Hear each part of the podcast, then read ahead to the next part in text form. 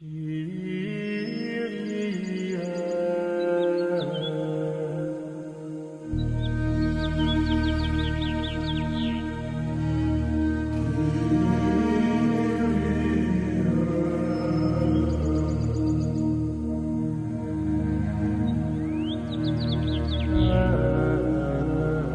staan op die stoep van die indrukwekkende Sint-Sywia Kathedraal op Oudtshoorn, 'n bittermooi gebou, ook my gemeente hier op Oudtshoorn. Die dag as ek kom kuier, die trappies waarop ek nou staan, weet ek in die ou dae het mense graag troufoto's net hier kom neem op die trappe met die kerk in die agtergrond omdat dit so 'n pragtige gebou is. En vandag gesels ek met Vader Enrico Perry wat sedert 2013 aan die stuur van sake hier staan en ons gaan gou die gebou binne.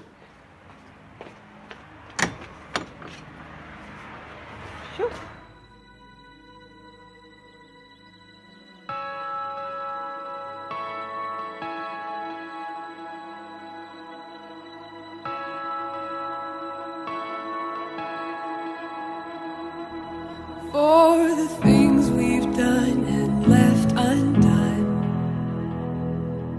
For the ways we've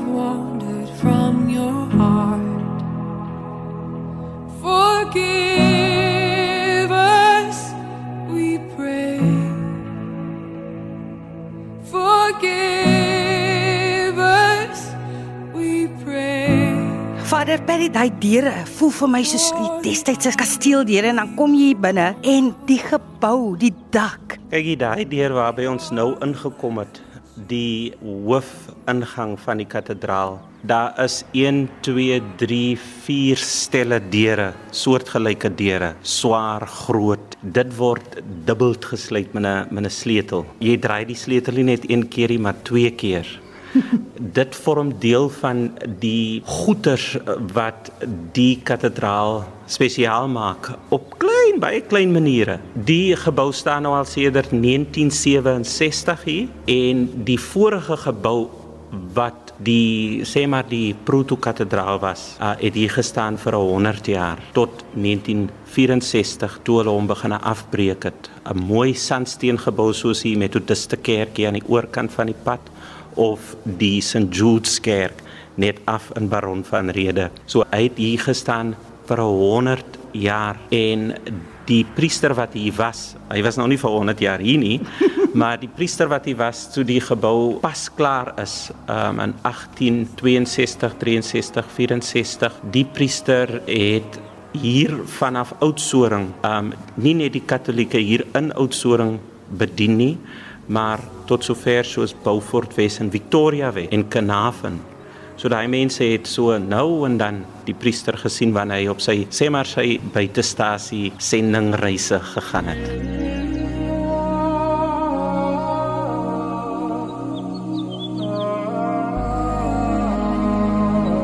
Vader, ek sê nou kerk.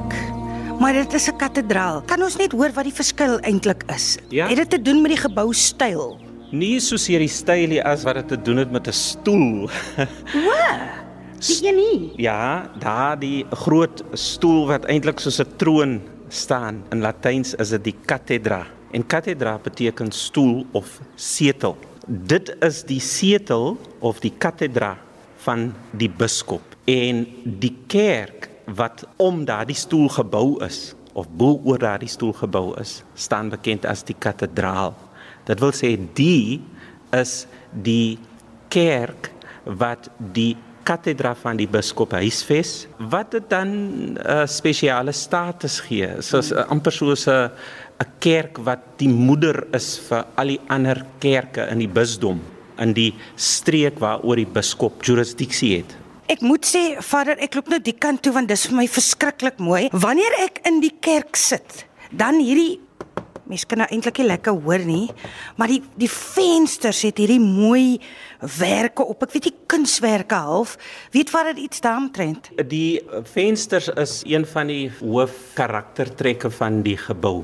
Mense kan sê die gebou bestaan uit vensters en dak mm. in hout en hulle almal is uh, gemaak met die oprigting van die kathedraal en dit het elkeen spesifieke betekenis soos die vier groot vensters in die dak um, het te doen met die misteries die geheimenisse in die lewe van Christus. En hier staan ons nou by 'n kleiner venster waaraan ons kan vat en dit wys een van die heiliges uh, Sint Christopher die heilige Christopher wat volgens legende gesoek het na die magtigste koning ter wêreld. Um, hy was 'n sterk man en hy het gewerk by iemand en het die mense deur die stroom gedra.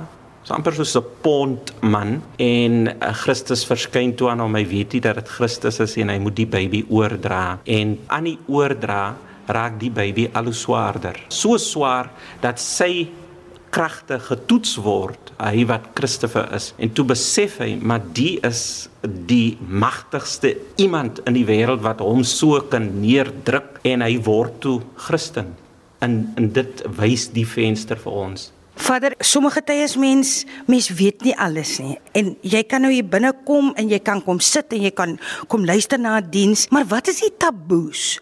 Wat nie mag gebeur binne in hierdie gebou nie. Is daar enige taboes of is dit net 'n geval van die Here het gesê kom kinders en kom na my huis toe almal wat die Here liefhet staan maar nader tipe ding. Kykie ons het mos nou al 'n uh, 'n lang entpad gekom. As jy byvoorbeeld na die uh, Basilika van Sint Petrus in Rome toe gaan, dan mag jy nie daar inkom met kaal arms nie of jy nou man of vrou is en ehm um, sekere goed mag jy nie daar doen nie om die kunswerke te beskerm daar binne. Ons het nou nie hierdie wette so neergelê as sodanig nie, maar 'n mens het tog daarom 'n tipe van 'n respek vir die heilige atmosfeer in die sakrale vir die heilige toegewyde ruimte waar die sentrale misteries van die Christen geloof beoefen word soos die altaar en so en so. Jy sal nou nie op die altaar wil gaan wawiele doen en so. Ek meen ek oordryf nou maar om 'n mate van respek vir die omgewing te hê want die een ding wat opval of wat behoort op te val is die stilte. As mense hier binne is ah. die stilte en dan 'n soort omgewing skep waarin mense stil kan word kan bid tot die Here wat hier teenwoordig is in hulle harte in kyk op 'n manier wat hulle nie voor die TV of in die tuin kan doen soos hulle dit hier kan doen nie. Kyk, hier staan ons by die doopfont. Die doopfont kom uit die ou kerk uit uit die sandsteen gebou van St. Xavier Kerk. Dit is sommer nou een van die kunswerke wat nog uh lewendig gebruik word uh met elke doop kom ons hier agter hy staan by die hoofingang van die kerk uh, van die kathedraal se deur want met die doop kom die nuweling in Christus kom hy binne in die huis van die Here. Dit is hoekom hy by die ingang staan want dit is een van die voorbeelde van die kunswerke en dan sien ons nou hier 'n uh, groter as lewensgrootte 'n uh, portret is nou twee van ek of jy op mekaar. So lank is hy en ehm um, as jy jou arms uitstrek en in die middel staan so breed is hy en die werk kom uit Frankryk uit. Dit is ge geskenk aan die vader wat hier uh, gemeentepriester was wat die lijk van Empress Eugenie van Frankryk, die lijk van haar seun wat gesterf het in die oorlog tussen die Engelse en die Zulus hy daar besoek in die vader um, om een of ander rede het die vader sy lijk na die koningshuis toe geneem in Frankryk.